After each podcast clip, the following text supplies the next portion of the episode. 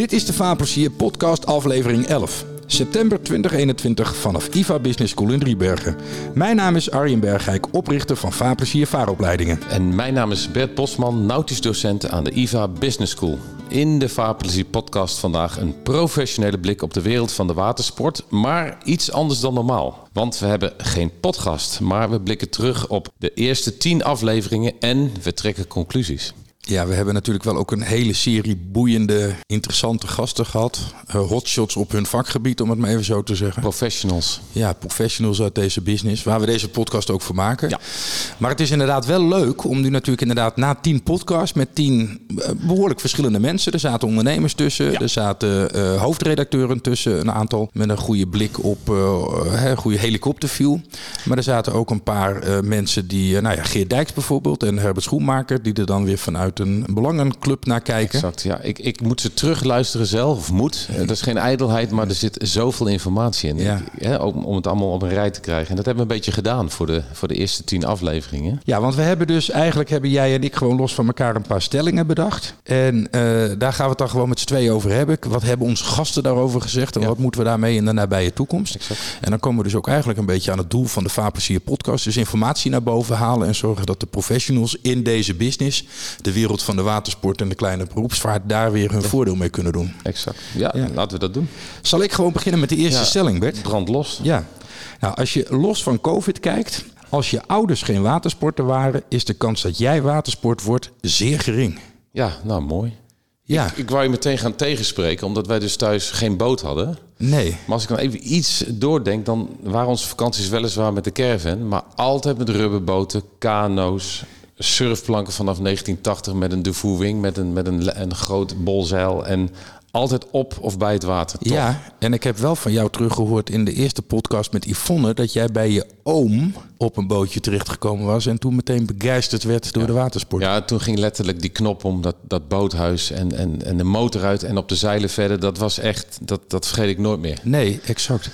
Dus eigenlijk moet je dat een keer gedaan hebben voordat je, de, voordat je ziet hoe mooi het is. Ja, en, en als wij nu is kijken, dat zo dus? Ja, maar goed, als wij dus kijken naar de gasten, dan is dat dus bij alle gasten waar geweest. Dat ja. ze in hun jeugd uh, op het water waren, ja. vaak zeilen. Ja. Zeilen was natuurlijk vroeger veel populairder dan, dan het nu is. Zeker in de verhouding tussen motorboot en zeilboot. Dus bijna allemaal zeilkampen. Ik ook. Ik ben vanaf mijn twaalfde op zeilkampen geweest en daarvoor uh, vakanties op de boot met mijn ouders.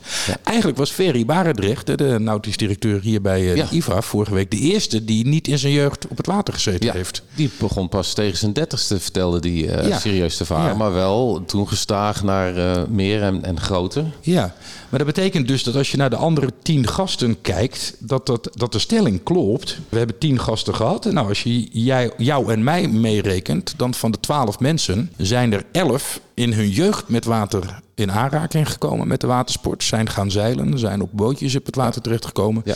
En daardoor in de watersport gebleven. En het opmerkelijke nu is misschien dat ik mijn twee zoons natuurlijk mee naar het water zul. Ja. We hebben, ik heb plankjes voor ze gekocht. Nou, niet helemaal geschikt. Mijn vrouw beschuldigt mij ervan dat, dat de plankjes net iets te klein waren. Omdat ik er dan zelf heel veel fun mee zou hebben. En inmiddels planeert Onno over de plas. Alleen, uh, ik heb die klik nog niet gezien. Bij, uh, dus wie weet dat ze op een gegeven moment denken: joh, dat, ik heb genoeg van het scherm uh, en mijn telefoon. En dat ze dan volop, volle bak. Maar je weet het ook niet hoe dat uitpakt. Hè? Misschien over tien jaar of over vijftien jaar, als ze hun eigen gezin hebben, zeggen we kopen een sloep. Want dat was altijd zo leuk op het water. Jij, je kunt natuurlijk bij je kinderen niet altijd helemaal terugzien in hoeverre wat je met ze doet, een soort beeld bepalend is voor de rest van hun leven. Precies. Ja. Dus dat is lastig te vertalen. Ja. Maar er zit inderdaad in algemene tijd wel iets in. Want dat is natuurlijk ook eigenlijk een beetje de reden waarom ik de stelling poneer. Ja, hoe zorgen we er nou voor dat de nieuwe generatie op het water komt? Want als ik iets terugluister bij alle uh, gasten die we gehad hebben, dan is even buiten COVID om, want dat heeft een beetje een eigen effect gehad. De zorgen over de toekomst van de watersport ja. op het gebied van aantallen mensen op het water is toch wel degelijk aanwezig. Ja,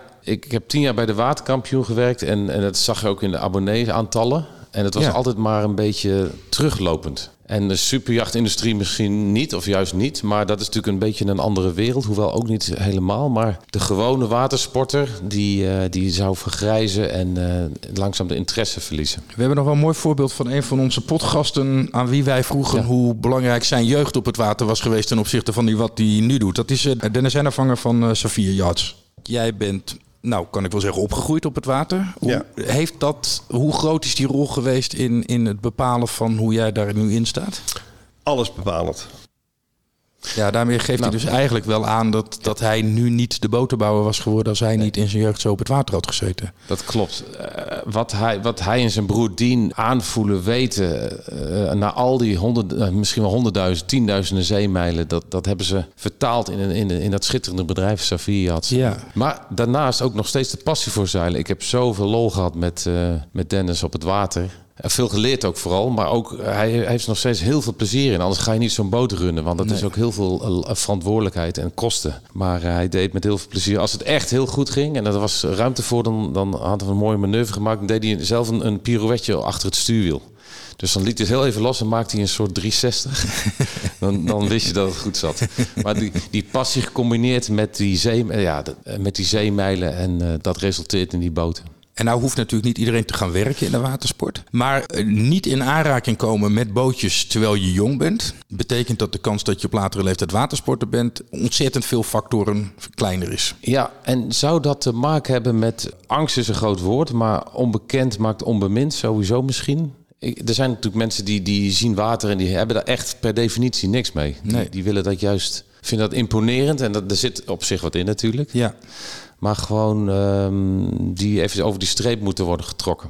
Ja, nee, dat is waar. Ik denk ook wel dat daar een factor, zowel kunde, en je moet toch iets kunnen om een bootje te besturen. Ja. Je moet even weten hoe dat werkt. Het is een andere wereld met eigen regels.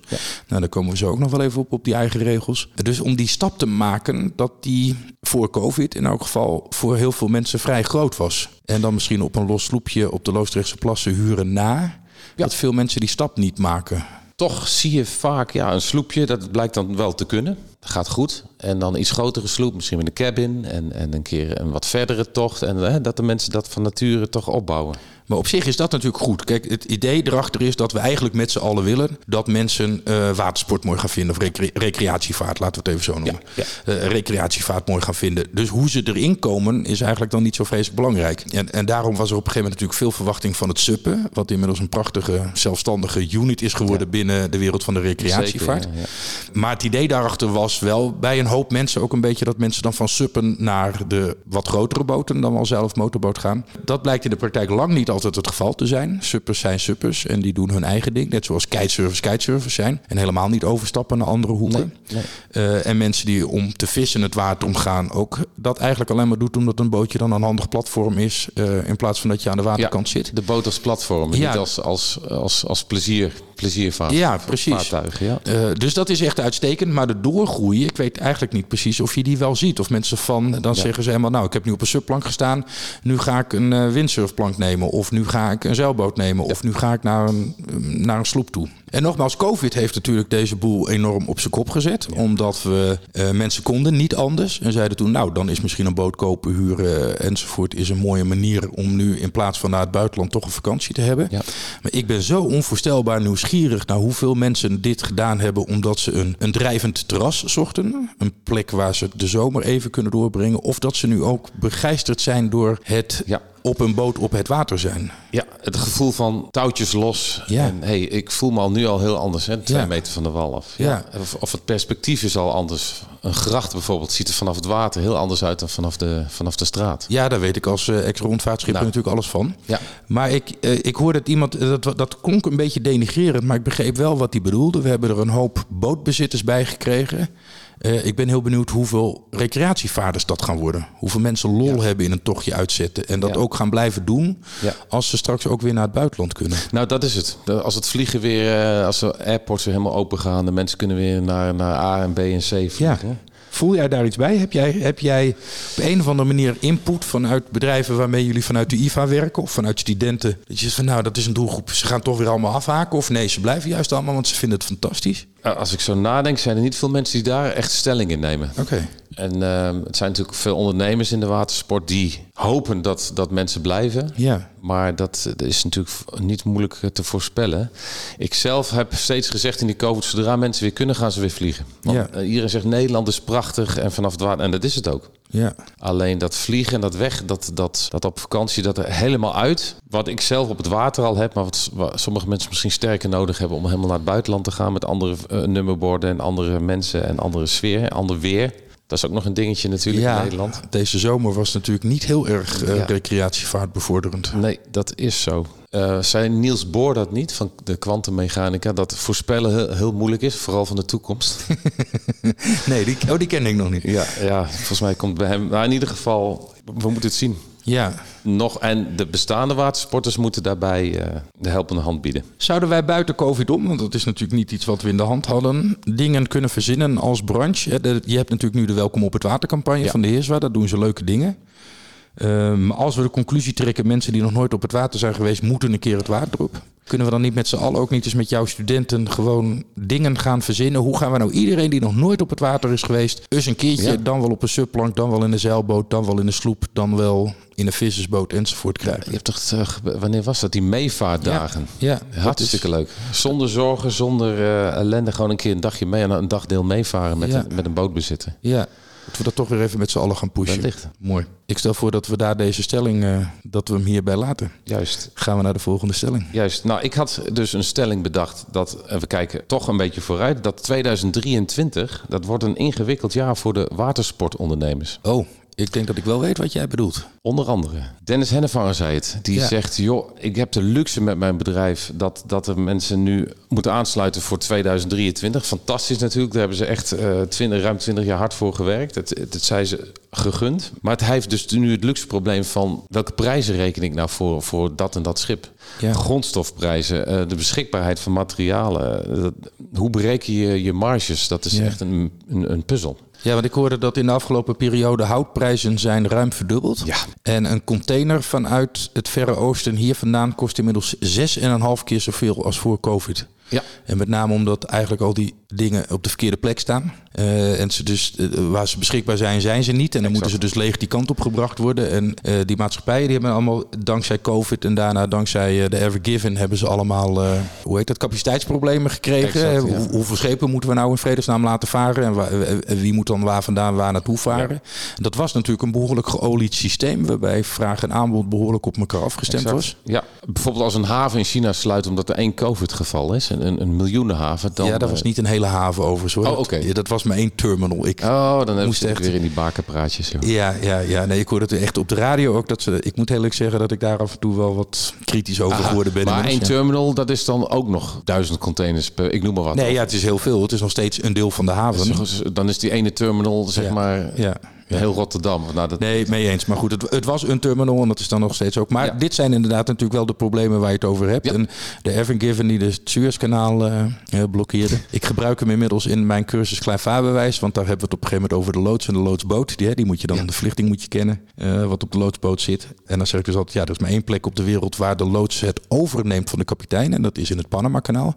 Hè, daar komen de twee loods aan boord, die nemen eigen apparatuur mee. En dan zeg ik erachteraan. En ik denk dat dat binnenkort in het Suezkanaal ook gaat gebeuren. Ja, ja. Dat de loods het overneemt van de kapitein. En overnemen is dat in de zin van echt het gezag Ja, het gezag, het gezag over het schip. In alle andere plekken is de loods eh, adviseur voor de kapitein. Vaak gaat hij zelf al aan het roer staan, zeker als ze elkaar een beetje kennen. Maar eh, officieel is hij adviseur voor de kapitein, blijft de kapitein verantwoordelijk. Maar niet in het Panama-kanaal, daar wordt echt de loods de baas. Dat is eh, heftig voor een kapitein, denk ik. Zo, dat denk ik ook. Ja. Maar omvaren is, eh, Nog heftiger. is nog heftiger. Ja. Ja. dat duurt een stukje langer. Kaap Hoorn. Ja. Over kapiteins gesproken, Arjen. Eh, wij hadden het over een, een soort eh, fake, een soort fake kapitein of cruiseschepen die met de Ja. mensen gaat dineren. Zijn we Ja. er al achter? Hoe Nee, het is een soort decoratiekapitein. Ja. Jij, jij hebt er mij iets met de hofmeester. hofmeester, de nee, maar de hofmeester is wel echt wel een hotelfunctie. Ja, dit, dat was dit niet. Nee, dus we zijn, er niet, we zijn er nog niet achter. Nee, Nou, misschien een luisteraar. ik moet dat nog inderdaad even, ik moet het goede woord zoeken. Ik heb het nog niet gevonden. Maar even terug naar drie- 2023, Ja. want dat is natuurlijk een van de dingen die er dan gaat spelen. Ja, je kunt natuurlijk nu, anno 2021, kun je slecht voorspellen wat de prijzen van materiaal doen. Uh, dus of je moet het nu kopen voor de boten die je over twee jaar gaat bouwen. Dat is wat, wat Dennis vertelde, Dennis ja. Hennevanger. Die, hij zegt, we hebben altijd alles teruggestopt in het bedrijf. Dus we kunnen hamsteren, noemde hij dat. Dus, dus hij heeft een, een voorraad blijkbaar. En wat hem nu, uh, wat nu moderne bedrijfsvoering zou je zeggen, je wil zo weinig mogelijk voorraden. Maar nu zitten natuurlijk zitten zij goed. ik ken iemand die zit in de, in de, in de, in de snijerij, die, hè, de snijpakketten voor schepen. En aluminium is ook zoiets. Dat is echt, hij heeft een, goede, hij heeft een goed netwerk, deze ondernemer. Maar er zijn andere bedrijven al in het probleem gekomen vanwege schaarste van aluminium. Ja, dan kan je er meteen niet meer leveren. En hoe reageert nou een ondernemer, zou ik dan denken? Hè? Door alvast de prijzen te verhogen, uh, of lukraak, maar voor de zekerheid om, om een marge in te... Dus ik zou bijna denken, dit, dit werkt de prijsopdrijvend sowieso. Ja, dat moet bijna wel. Ja, kijk, je weet natuurlijk dat bij, bij zoals in beetje elke bedrijfstak is, zijn de personele lasten bijna altijd het hoogst. Ja. dus daarvan, uh, daarvan weet je wel ongeveer wat dat is. En daar zal wel wat fluctuatie, maar dat zal op zich loslopen in Nederland de komende periode. Maar daarna is natuurlijk uh, materiaal, de inkoop van je materiaal, is, komt daar over het algemeen vlot achteraan. En zeker bij een tak als, uh, als, als botenbouwers. Ja. ja, dat bestaat toch een heel deel van die boot bestaat uit materiaal. En de prijs daarvan waarvoor jij het inkoopt. Uh, is toch wel uh, mede bepalend voor de prijs waarvoor je het verkoopt. Ja. Dus grondstoffen en materialen A, prijs en B, beschikbaarheid. Nou, zeker. Kijk, als je kijkt naar de, naar de motorenfabrikanten en de elektronica-fabrikanten, die zitten bijvoorbeeld enorm met het uh, chiptekortverhaal. Dat is ook zo'n idioot ding geworden waarbij ze op een gegeven moment niet konden produceren anderhalf jaar geleden vanwege de uitbraak van de COVID. Toen alle bestellingen afbesteld hebben en vervolgens uh, telefoons en laptops en dat soort dingen en spelcomputers een enorme vlucht namen en al die fabrieken dus ineens al hun chips aan die partijen moesten leveren. Uh, en inmiddels uh, een heleboel van die chippartijen gewoon niet meer kunnen produceren omdat ze geen chips hebben. Ja. In Nederland VDL Netcar dat onlangs weer een week dicht geweest is. Toyota en Volkswagen die allebei voor een wat langere periode periode zelfs dan een week fabriek hebben stilgelegd. Simpelweg omdat de auto's wel klaar waren qua carrosserie, maar niet qua elektronica omdat de chips er niet waren. Ja. Het is echt een mondiale wereld geworden. Hè? Ja. In de zin van een één groot netwerk. Ik hoorde ja. van producenten die uh, overwegen om hun productie uit eh, China te halen richting ja. bijvoorbeeld Turkije. In ieder geval Europa. Ja, en dan is het nog ingewikkeld. Want wil je chips maken, dan heb je dus een chipsmachine nodig. Die dingen die kosten 100 miljoen of iets in die richting. Oh. En die worden allemaal in Nederland uh, gemaakt, ja. in Veldhoven, bij uh, ASMI of ASML, een van die twee. Ja kan ze nooit precies uit elkaar houden, die twee. Een chipmachine kost 100 miljoen. Ja, zomaar. Maar die stampt ze dan zo... Uh... Ja, en die maakt, die maakt dan de chips. Dus zij, ASMI, ASML verkopen aan, aan, aan bedrijven die chips maken. En, maar dat duurt dus ook even voordat je een nieuwe fabriek gebouwd hebt. Hè. Die staat er niet volgende week. Nee. Dus uh, de huidige uh, tekorten, ja, dat moet dus eerst opgevangen worden door nieuwe fabrieken te bouwen. Dan wel door een economische recessie, waarbij er minder vraag is naar dingen. Maar dat is niet de voorspelling. Ehm, dus ja, dat moeten we allemaal maar natuurlijk even afwachten wat daarmee gaat gebeuren. Ja. Maar ik ben met je eens, prijs is dus één beschikbaarheid. Dus is inderdaad het volgende. Exact. En ik weet dat daar inderdaad zeker de motorfabrikanten en elektronica-fabrikanten ja. tegenaan lopen. Ja. een boot zal toch in een hoop gevallen wel een motor hebben. Uh, zelfs zeilboten hebben natuurlijk wel een motor erin of eraan om te zorgen dat je de haven in en uit kunt. Dus ja, dat levert daar natuurlijk wel, uh, wel issues op. Ja. Complex. Nou, dat is complex. En 2023 wordt denk ik ook om een andere reden een ingewikkeld jaar voor de watersportbranche. Want uh, 2019 was een normaal jaar, 2020 door COVID uh, aanzienlijk meer. Ik hoorde dat er 30% meer boten verkocht zijn ja. uh, in Nederland ja. in die periode. Hoewel een slechte start. Ja, slechte start. Maar toen dat toen eenmaal, dus in mei, slot. juni, ja. hè, we kunnen toch niet naar het buitenland. Toen ging het ineens onvoorstelbaar hard. En ik ken inderdaad, uh, wij kennen vanuit Vapensier veel uh, botenverkopers hè, waar we mee samenwerken. Ja. En andere partijen in de markt. En daarvan weet ik dat ze allemaal op enig moment wel uitverkocht geweest zijn. Ik ken er zelfs eentje die uh, ooit had aangekondigd. Als ik de hal ooit leeg verkoop, dan gaan we hier karten met z'n allen. En die heeft dat gedaan. de hal was leeg. Ja, ik ehm, lach wel, maar dat wil je als ondernemer natuurlijk niet. Nou ja, enerzijds wel, anderzijds niet. Maar ik weet ook van watersportwinkels waar wij mee samenwerken dat ze het onvoorstelbaar druk gehad hebben, lange periode. Dat is natuurlijk op zich goed voor de business. maar waar ik voor 2023 even naar kijk is, gaat er, en dan kom ik weer eigenlijk terug op de vraag hoeveel mensen gaan er blijven hangen ja. uit die COVID-periode? Ja. En hoe gaan we de, wat gaat daarmee gebeuren? Gaan daar heel veel mensen tussen zitten die vorig jaar een nieuwe boot hebben gekocht van het geld waarmee ze anders vorig jaar en dit jaar op vakantie zijn geweest? En gaan ze dat weer op de markt brengen? En daardoor gaat er dus een hoop nieuw verkoop niet door. Ja.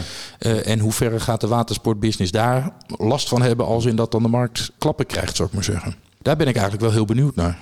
We leggen dit nu vast. Eigenlijk moeten we over twee jaar hier even naar terugkijken. Naar terug, wat er aan de Misschien heel hard lachen of denken, nou, we zitten ja. best wel goed met onze gedachten. Is het meegevallen, is tegengevallen? Ja, en dan is het natuurlijk ingewikkeld om te voorspellen. Persoonlijk denk ik dat het wel een beetje meevalt. Maar ik denk, kijk, iedereen moet er rekening mee houden in de watersportbusiness. Uh, wat ze normaal gesproken in bedrijven doen, uh, target voor volgend jaar is dit jaar plus 5%.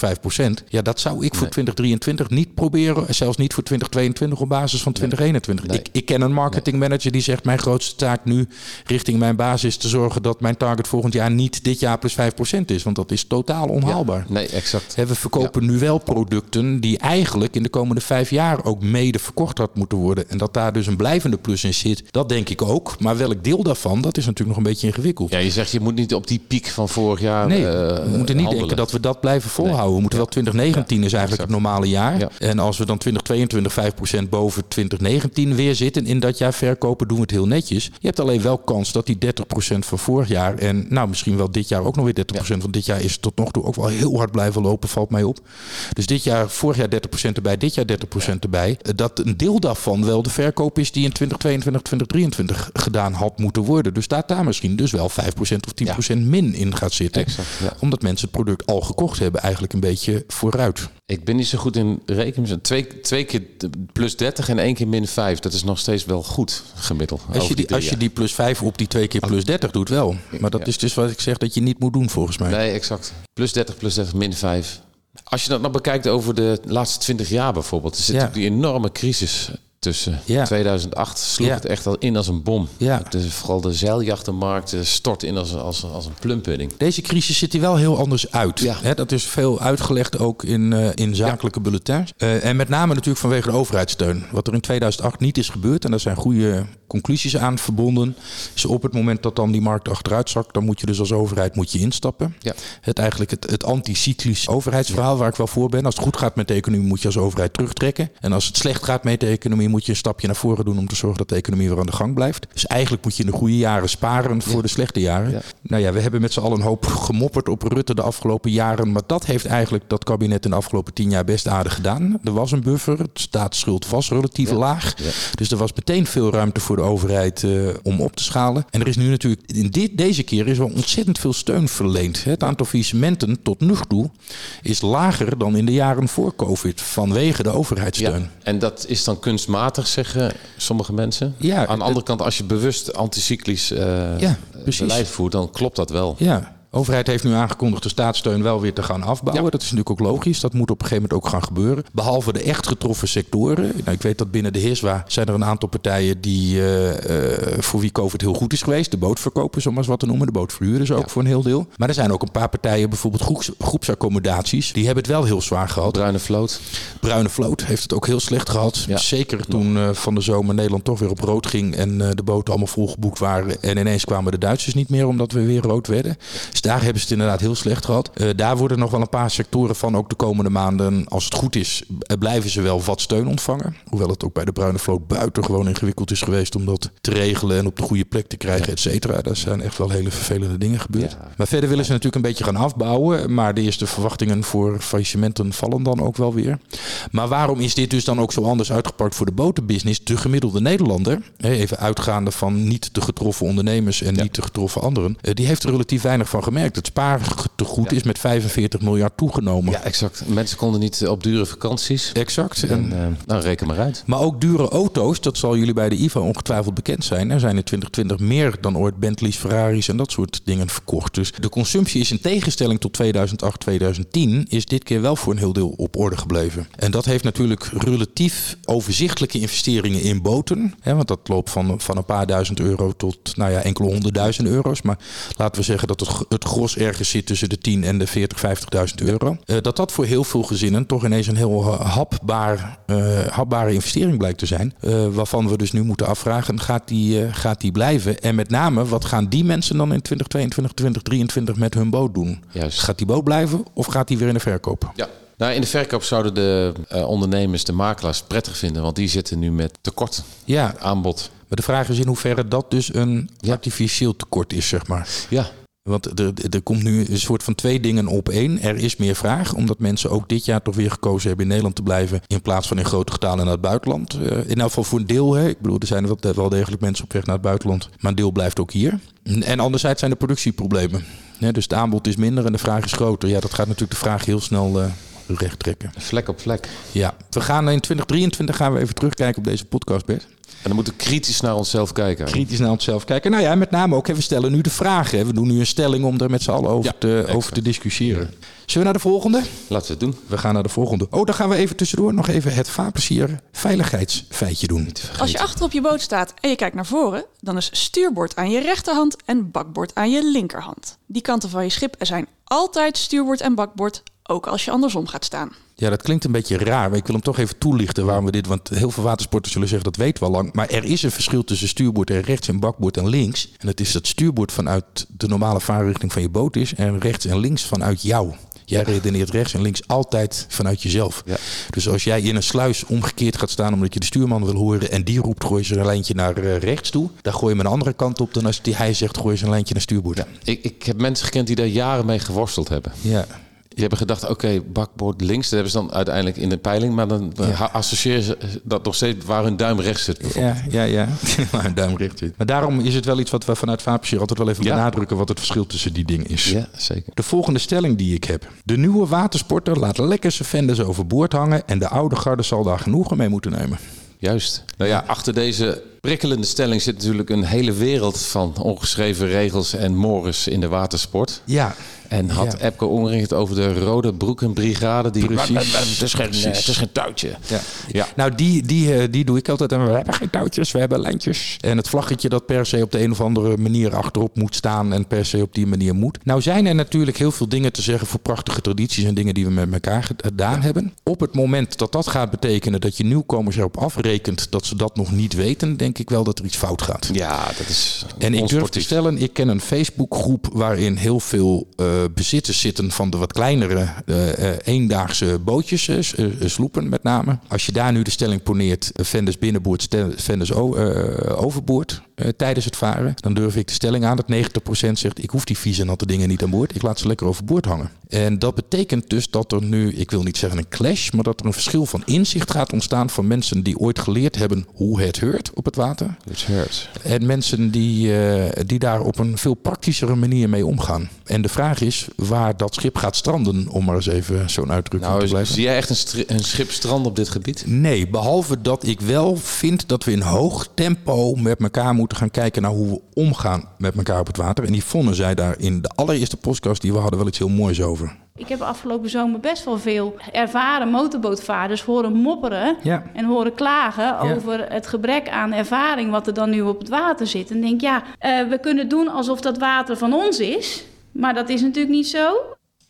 Ja, en, en dat is volgens mij wel een klein beetje de kern van, van wat je nu ziet gebeuren. En dat wil dus ook niet zeggen, want het klinkt nu een klein beetje alsof ik vind de, de, de, de traditionele watersport, de recreatievader moet niet zeuren. Die, mensen, die nieuwe mensen moeten doen wat ze willen. Daar ben ik het ook weer niet helemaal mee eens. Ik vind als jij iets gaat doen en daar zijn al allerlei mensen actief, vind ik wel dat je je best mag doen om te kijken wat doen ze hier, waarom doen ze dat. Want aan heel veel tradities zit natuurlijk wel ook een mooi verhaal vast. En er zit een goed, uh, er zit, zitten overwegingen aan. Ja. En als vaaropleider ben ik natuurlijk erg ook op de veiligheid. Je ziet een hoop van de nieuwe garde wel ook dingen doen op het water dat je denkt, dit kan echt niet. Ik bedoel, het is een traditie om stuurboord wal te houden. Ik noem maar wat of in de vage. Dat heeft heel goede, reden. goede redenen. Ja, exact, precies. En dat is, je, je steekt niet over vlak voor een binnenvaartschip. Exact.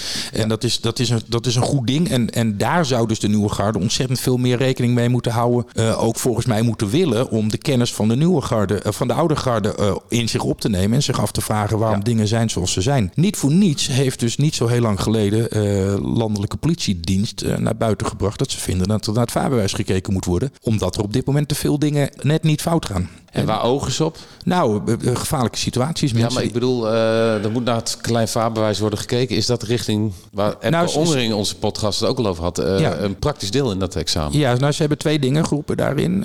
Uh, van, vanaf een eerdere lengte. Het is nu zo dat je een klein vaarbewijs nodig hebt vanaf 15 meter. Ja. Dan wel sneller dan 20 km per uur. Ja. Zij zeggen die lengte, die, er zit een hoop boter boven de 8 meter, waarvan wij denken dat je daar een basis hoeveelheid kennis voor moet hebben. En nogmaals, het vaarbewijs zal er nooit voor zijn om mensen te leren varen. Nee. Maar je kunt pas veilig varen als je de regels kent. Hè? Ik bedoel, zo simpel is het. Ja, andersom. Dus precies. En, en overigens ook voor mensen die erop mopperen, ja, maar ik vaar al 30 jaar, ik doe het hartstikke veilig. Nou, als dat echt zo is, dan is het vaarbewijs halen ook geen enkel probleem voor je. Dan is dat een kwestie van, uh, van even naar het CBR lopen, het papiertje ophalen en dan ben je er ook. Dus dan, dan hoeft het ook geen probleem voor je te zijn. Tweede deel inderdaad, wat ze erbij aangaven, is een praktisch examen erbij. Zoals het inmiddels sinds vorig jaar in België ook verplicht is. Dan moet je een x-aantal uren met een gecertificeerde instructeur maken. En die moet dat afvinken aan het einde. En dan heb je een aantal basisdingen gedaan. Ja.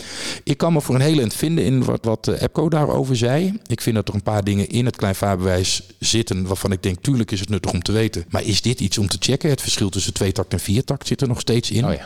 Om mensen dat te leren. Ja, dat, dat krijg je bij je rijbewijs ook niet, volgens mij. Nee. Dat is voor mij lang geleden dat ik hem gehaald heb. Maar ik weet vrij zeker dat ze daar verschil tussen de tweetakt en de viertaktmotor niet gaan uitleggen. Ja. En, en er missen een aantal dingen in. En waar ik het dan met Epco ook weer volstrekt mee eens ben, is een, uh, is een lijntje vastknopen om een bolder of een kikker. Dat wordt gewoon niet meegenomen in de stof. Nee. En ook in welke richting? Dus een spring kan heel veel nuttigs doen voor. Uh, voor nou, een spring en tossen wordt wel helemaal behandeld. Ook de richtingen. Ja, ja, ja, ja, Nee, dat, is ook al even geleden. Dat zit er helemaal in, compleet met zelfs en ook hoge wal en lage walbenaderingen. dan zijn wij weer de enige opleider die het ook praktisch behandelt. Dus we laten zien wat het verschil is tussen een hoge wal en een lage wal. Maar uh, dat zijn dus de twee richtingen waar Korps Landelijke Politiedienst naar ging kijken. Nou heb ik begrepen, ik ben vergeten te checken, dat uh, Varen Doe je Samen inmiddels een werkgroep heeft waarin er gekeken wordt naar de inhoud van het vaarbewijs. Ja.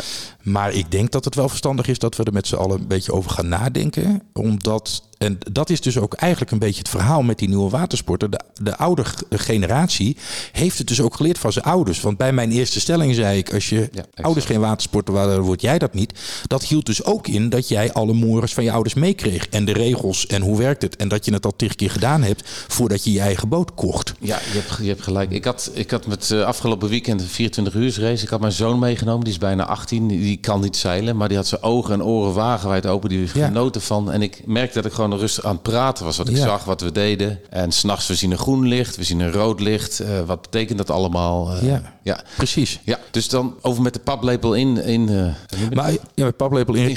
Ja, precies. Maar als je dat dus niet van je ouders hebt meegekregen... en die nieuwe generatie vaart nu met, met sloepen rond... zonder dat ze dit hebben meegemaakt... ja, dan moet je toch ergens een soort ondergrens gaan leggen... van ja, het, het, het is dus wel belangrijk dat je een paar dingen weet... voordat je, er, voordat je op die boot stapt. Is het praktisch uitvoerbaar qua capaciteit, denk jij, om bij dat vaarbewijs een, een, praktisch deel. Echt, echt af, afvaren, afrijden, afvaren. Nee, dat moet geen enkel probleem zijn. Nee, Natuurlijk gaat dat geld kosten en daar gaat iedereen nou weer over mopperen. We zijn per slot van rekening wel Hollanders. Ja, ik gebruik dat altijd met, uh, met blussers aan boord van schepen. Hebben ze voor 30.000 euro een boot gekocht. Maar even fatsoenlijk schuimblusser in plaats van een poederblusser uh, doen ze dan niet. Want dat kost vijftientjes extra. Nee, tot je een brandje moet blussen en je... Met een poederblusser. Precies, precies ja. dan ben je klaar. Ja, nee, dat is wel zo. Maar we blijven Nederlanders dus dat je zometeen dan wat moet afrekenen uh, voor je examen tegelijkertijd denk ik dat in de long run, over vijf jaar, over tien jaar, uh, we met z'n allen happier op het water zijn als een groter deel van de watersporters dan nu, de recreatievaarders dan nu, een basis hoeveelheid kennis heeft, dan wel van zijn ouders gekregen.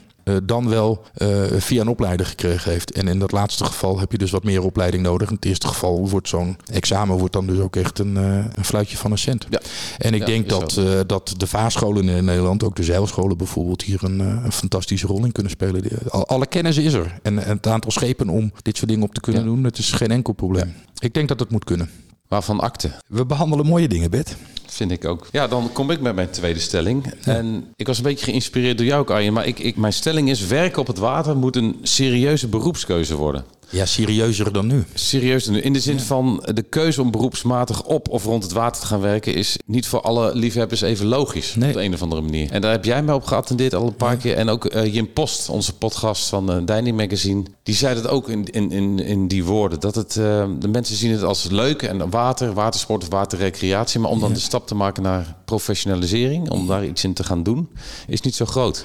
Nee, Jim zei dus ook inderdaad dat toen hij jong was... en ik herken dat, was werk op het water je decaan wist niet dat dat er was. Het was, geen, het was geen optie. En in de binnenvaart lopen ze nu tegen hetzelfde probleem aan. Eigenlijk geldt daar ook de stelling: als je ouders geen binnenvaartschippers waren, word jij het ook niet. Beetje zoals je ouders geen boer zijn, hè, veehouder zijn, bij wijze van spreken, dan is de kans dat jij het wordt. Ook om andere redenen trouwens, maar ook niet zo vreselijk groot. Maar ik merk van werken in de watersport, merk ik dat dat heel vaak uh, onderbelicht is. Een mooi voorbeeld vind ik zelf toen ik 19, 20 was, was ik heel fanatiek aan het lesgeven bij uh, de Veenhoop in, in Friesland. En een paar collega's, instructeurs daarvan gingen er twee. Toen gingen de Bruine Vloot in. Hè, die werden schipper op een Bruine Vlootschip. En die kregen echt van iedereen te horen: oh, je gaat nog even een paar jaar freewielen en daarna echt aan het werk. Het was, geen, het was voor die mensen, dat ging je niet doen voor je werk. Dat was niet een carrièrekeuze. Ja, ja. En ik denk dat dat niet klopt. Ik denk dat er zo ontzettend veel mooi en goed werk in de watersportbusiness te doen is. Als je kijkt naar varen op schepen, en dan noem ik werken op het water, noem ik ook eh, jachtwerven en dat soort dingen. Nou, jachtwerven, watersportwinkels, het is tegenwoordig prachtig en professioneel. Je kunt er fantastische dingen doen, niet alleen als ondernemer, want dat is natuurlijk wel heel vaak, het zijn familiebedrijven, maar juist ook in een andere hoek. Maar het is dus eigenlijk ook pas van de laatste jaren, van de laatste tien jaar, dat daar weer heel veel meer aandacht aan komt. Hè?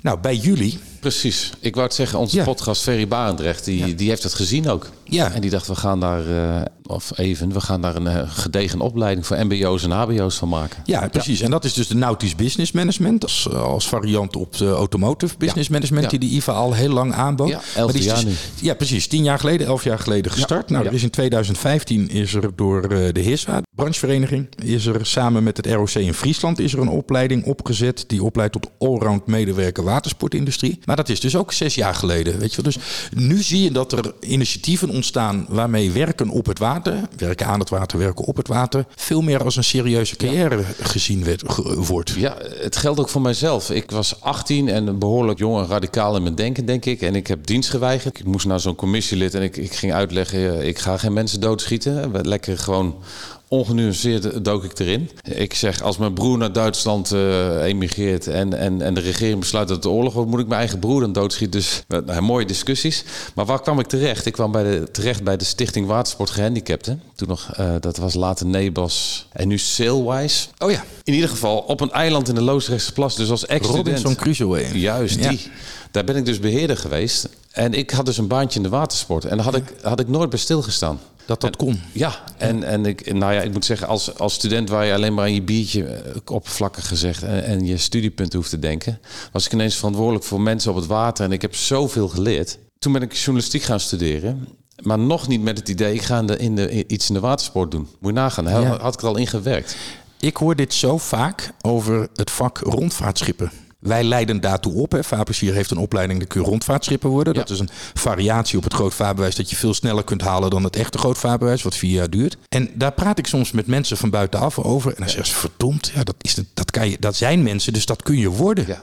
En dan zijn ze stom verbaasd. Terwijl er in Amsterdam bij elkaar, als je de ZZP'ers en, de, en andere contracten meeneemt, dan lopen er tussen de 1500 en 2000 rondvaartschippers rond. Zo. Ja, zeg. Het is een grote business. Er moeten heel veel rondvaartboten door die grachten gevaren. Nu op het moment is het even wat rustiger door het toerisme. Ja. Maar dat is heel veel. Schippers. Ja, en als je deze dingen bij elkaar optelt, dan valt het mij enorm op dat er dus uh, volgens mij ook veel behoefte aan is. Dat we met z'n allen dat ook harder roepen naar de buitenwereld. Van jongens, kom lekker bij ons werken. Ik ken een aantal nautische bedrijven die veel moeite hebben om technische mensen te vinden op ja. het moment. Ja. Gewoon een technische medewerker op, op de jachthaven of bij het boterbouwbedrijf. Dus misschien moeten we ook met z'n allen als branche uh, het werken op en aan het water uh, ook weer zo even een stapje, stapje ja. omhoog zetten. Wat zit daarachter, denk je? Het imago of het, het... Kijk, het is natuurlijk tot de COVID was het best wel een aflopend... of aflopend niet, maar uh, business die, die, moeilijk was... of, of langzaam uh, ja. aan, het, aan, het, inzakken. Aan het vergrijzen was enorm. Vergrijzen, of is het een imago van het is een beetje, beetje los... of los of losbollig is het woord niet... maar het is, het is geen echte baan wat jij misschien zegt. Nou, ik denk dat, dat er een paar factoren zijn. In de watersport hebben we natuurlijk ontzettend veel familiebedrijven. Familiebedrijven hebben over het algemeen van oudsher minder moeite met het vinden van mensen dan andere bedrijven. Omdat daar het familiegevoel veel groter is. Dus mensen die daar binnenkomen blijven gemiddeld gezien langer bij een familiebedrijf werken. Omdat het warm aanvoelt. Er is veel meer passie voor het bedrijf dan in een niet-familiebedrijf. Ja. Het zijn kleine bedrijven, dus ze hebben vaak ook relatief weinig personeel nodig. En dat is dan vaak uit het dorp wel te vinden. Mensen vinden het leuk, hebben een bootje en dan joh, we zoeken een monteur. Dus ik denk dat daar ook een soort, uh, het, hoefde jarenlang niet echt. Hè. Mensen ja. waren er wel, ze kwamen wel. Maar je merkt nu dat bedrijven groter worden. Er is natuurlijk wat schaalvergroting geweest in de afgelopen 20 jaar. Fabrikanten die samengevoegd zijn uh, en dus meer mensen nodig hebben. Eigenlijk permanente vacatures al open hebben staan inmiddels. En je ziet dat ze vacatures minder snel kunnen invullen. En ik denk dat dat daar wel mee te maken heeft. Ja. Met die combinatie van factoren. En dan speelt imago natuurlijk een enorme rol mee. Hè. Tegenwoordig, als je 20 jaar geleden afstudeerde technisch, dan weet je monteur. Als je nu technisch uh, afstudeert, dan ben je ICT'er. Ja. En daar zijn natuurlijk totaal andere, ja. Andere, andere dingen te doen. Dus een, een, deel van de, van de doelgroep, de potentiële doelgroep die in jouw bedrijf kan komen werken, is natuurlijk ook gewoon wat anders gaan doen, namelijk ICT of die, die kant op. Dus misschien sluit daar dan ook de watersportbusiness niet helemaal bij dat gedeelte van die mensen aan. Neemt niet weg dat je de gewone technische medewerkers en met name wat ik dan noem de mensen met het sociale en het salesachtige verhaal, dus de medewerkers in winkels, de medewerkers van jachthavens die achter de balie staan, achter de receptie aan klanten helpen uh, enzovoort. Uh, ja, daar blijft natuurlijk recht overeind dat daar ontzettend veel werk is. Dus daar, daar moet voor, volgens mij van alles nog, nog voor te verzinnen zijn. Ik doe mijn best. Ja. Als docent. Ja, precies. Jij bent natuurlijk een van die mensen die veel mensen opleidt. Ja. Nou ja, in mijn geval, uh, ik heb journalistiek gestudeerd. Het was een moeilijke tijd toen om een baan te vinden. Een reis naar Azië heeft mij toen doen beseffen, ergens volgens mij op een oude vrachtboot op de, op de Mekong in Laos, dat ik dacht, ik wil uh, iets met boten. Ik ga nou, boten bouwen. Gaaf. Ja. Nou, ik moet ook heel eerlijk zeggen, als ik kijk naar onze rondvaartopleiding, daar zitten nu drie mensen in waarbij de opleiding ook betaald is door een oud werkgever. Die mensen zaten in een traject waarin ze bij die werkgever weg moesten. En de werkgever zei, als jij je gaat omscholen, dan betalen wij dat. En die mensen zijn dus goed gaan nadenken, wat wil ik eigenlijk? En die zeiden, ik wil eigenlijk wel iets met bootjes varen. Toen kwamen ze bij onze opleiding terecht. Echt flabbergasted. Ik heb mensen daar zien opleven omdat ze ineens iets gingen doen wat ze fantastisch vinden om te doen. En in dit vak kun je geweldige dingen doen. Dus die zijn zich gaan omscholen tot rondvaartschipper. En die gaan dus, waarschijnlijk volgend jaar, gaan ze gewoon los op de Amsterdamse grachten. En dan hebben ze zich dus echt helemaal bekwaamd in een vak. Wat ze daarna nog tig jaar kunnen gaan uitoefenen. En wat ze prachtig vinden. Voor mijn beeld, Arjen, is dat mensen die, die, houden, die vinden boten, boten leuk. Maar gaat het ook om het sociale aspect? Met, met heel veel mensen praat je... Uh, nou, het allerbelangrijkste is schipper kunnen zijn. Want je vaart met relatief grote boten door relatief nauwe bruggaten. Dus je moet goed snappen wat een boot doet. Zeker een rondvaartboot met besturing voorin. Een draaipunt op ongeveer eh, een kwart tot een derde afhankelijk van je belading. Dus je moet goed kunnen anticiperen op wat er dan gebeurt. Je moet onvoorstelbaar goed kleine bootjes kunnen ontwijken. Want die denken allemaal dat boten in de Amsterdamse grachten meer op alcohol dan op brandstof lopen. Dan moet je dus, en uh, al die bootjes horen voorrang te verlenen aan rondvaartschepen. Want dat zijn passagiersschepen volgens de wet. Maar uh, al die bootjes weten dat niet voor een heel groot deel. Mm. Dus die moet je allemaal een beetje ontwijken volgens uh, goed zeemanschap. Uh, dus dat moet je heel goed kunnen. En daarnaast is natuurlijk het gasten aan boord hebben, de veiligheid ja. daar overdragen. En ook die mensen te woord kunnen staan in meerdere talen. Gidsen hoeft niet meer oh. live. Dat wil zeggen, er zijn wel schepen waar dat moet. Maar bij de meeste grote rederijen, die hebben tegenwoordig in-ear systemen waarbij mensen in hun eigen taal, bij sommige rederijen tot en met Kantonees en Mandarijn, de rondvaart kunnen horen. Nou, dat vinden bijvoorbeeld veel Duitsers, maar met name Fransen vinden dat erg Want die zijn altijd erg beledigd als je ze niet in hun eigen taal aanspreekt. Dus die kunnen dan gewoon in het Frans de hele tour volgen. Doet de tour. Even technisch, uh, draaipunt op voorin. Ja. Hoe kan dat? Uh, leeg, hè? Een boot die zwaar beladen is, daarvan ligt het draaipunt achterin. Die is roerlastig, zoals dat heet. Een boot die leeg is. Rondvaartboten zijn natuurlijk zelfs met 50 of 60 mensen aan boord nog steeds relatief leeg ten opzichte van een echt geladen schip. Koplastig. Die zijn koplastig, exact. Ja. Oh. Overigens vaart nog steeds de helft van de rondvaartboten in Amsterdamse gracht ook zonder uh, boegschroef. En dat gaat aanzienlijk sneller. Zelfs boten met boegschroef. Uh, als je een boot kunt manoeuvreren, dan krijg je hem door de Amsterdamse grachten sneller zonder boegschroef dan met. Mooi. Zou ook een stelling kunnen zijn. Nou, ja, dat is, dat is wel een varen niet met boegschroef. Nee. Nou, dat, ik ben het daar niet mee eens. Want zeker in sluizen met bewegend water kan het ontzettend handig zijn om met je boegschroef de boot even net mooi op zijn plek te kunnen krijgen. Zeker. Maar tijdens het manoeuvreren moet je de boegschroef inderdaad niet te veel willen gebruiken. Maar goed, dat is inderdaad een andere stelling. Overigens moeten er op redelijk korte termijn in september zeven mensen hun laatste toets gaan doen voor de rondvaartopleiding. Dus uh, ja, daar zijn we wel heel trots op. Ja, mooi. Ja. We zijn door de vier stellingen heen. Nou, een soort, soort toch wel een soort scheepstafelachtig gesprek. Ja, er staat nog nou, net geen drank hier, maar uh, ja. is niet nodig blijkbaar. Ik vond dit wel heel nuttig om te doen. Want ik, vind, ik ben heel trots op de tien gasten die we gehad hebben. Dat was een mooie variëteit. Ja. Allemaal mensen met veel uh, professionaliteit in de business. Veel achtergrond daar ook in. Die iets goeds te vertellen hadden. En iets goeds konden vertellen over wat ze aan het doen zijn. En waarom ze dat doen. En wat, wat ze geen zien. Onvoorstelbare hoeveelheden informatie. Ja. Nieuw, nieuwe dingen ook. En ik vind dus wat we nu gedaan hebben. Kijken wat kunnen we daar af en toe voor conclusies uittrekken. Wat zeggen ze eigenlijk allemaal stuk voor stuk. Weet je wel. En wat kunnen we dus eigenlijk dan wel als een soort waarheid gaan aannemen. als tien van dit soort professionals iets, iets bepaalds roepen, nou, dan merk je dat bijvoorbeeld dat de oude garde vriendelijk moet zijn tegen de nieuwe garde en dat de nieuwe garde zich moet gaan bekwamen in, eh, in, in met name de veiligheidsaspecten van wat er op het water gebeurt. Dat de nieuwe garde een beetje een soort van de oude garde wordt, maar dan op de goede, de goede eigenschappen van de oude garde. Beetje, beetje dat, dus dat dat wat naar elkaar toe groeit. Ja. ja. dat vind ik wel heel mooi om hier uh, te constateren. En onze eigen belofte om in 2023 kritisch naar deze uitzending terug te kijken. Ja, nou, misschien moeten we het elk jaar doen. Volgend jaar alvast weer even kijken wat er gebeurd is. En dan uh, weer even conclusies trekken op wat we vorig jaar erover zeiden. Ja. Tot zover deze aflevering van de Vaarplezier podcast. U kunt de voorgaande afleveringen terugvinden in uw favoriete podcast app of op www.vaarplezier.nl slash podcast. Ja, en vergeet je niet te abonneren op de podcast in jouw podcastplayer.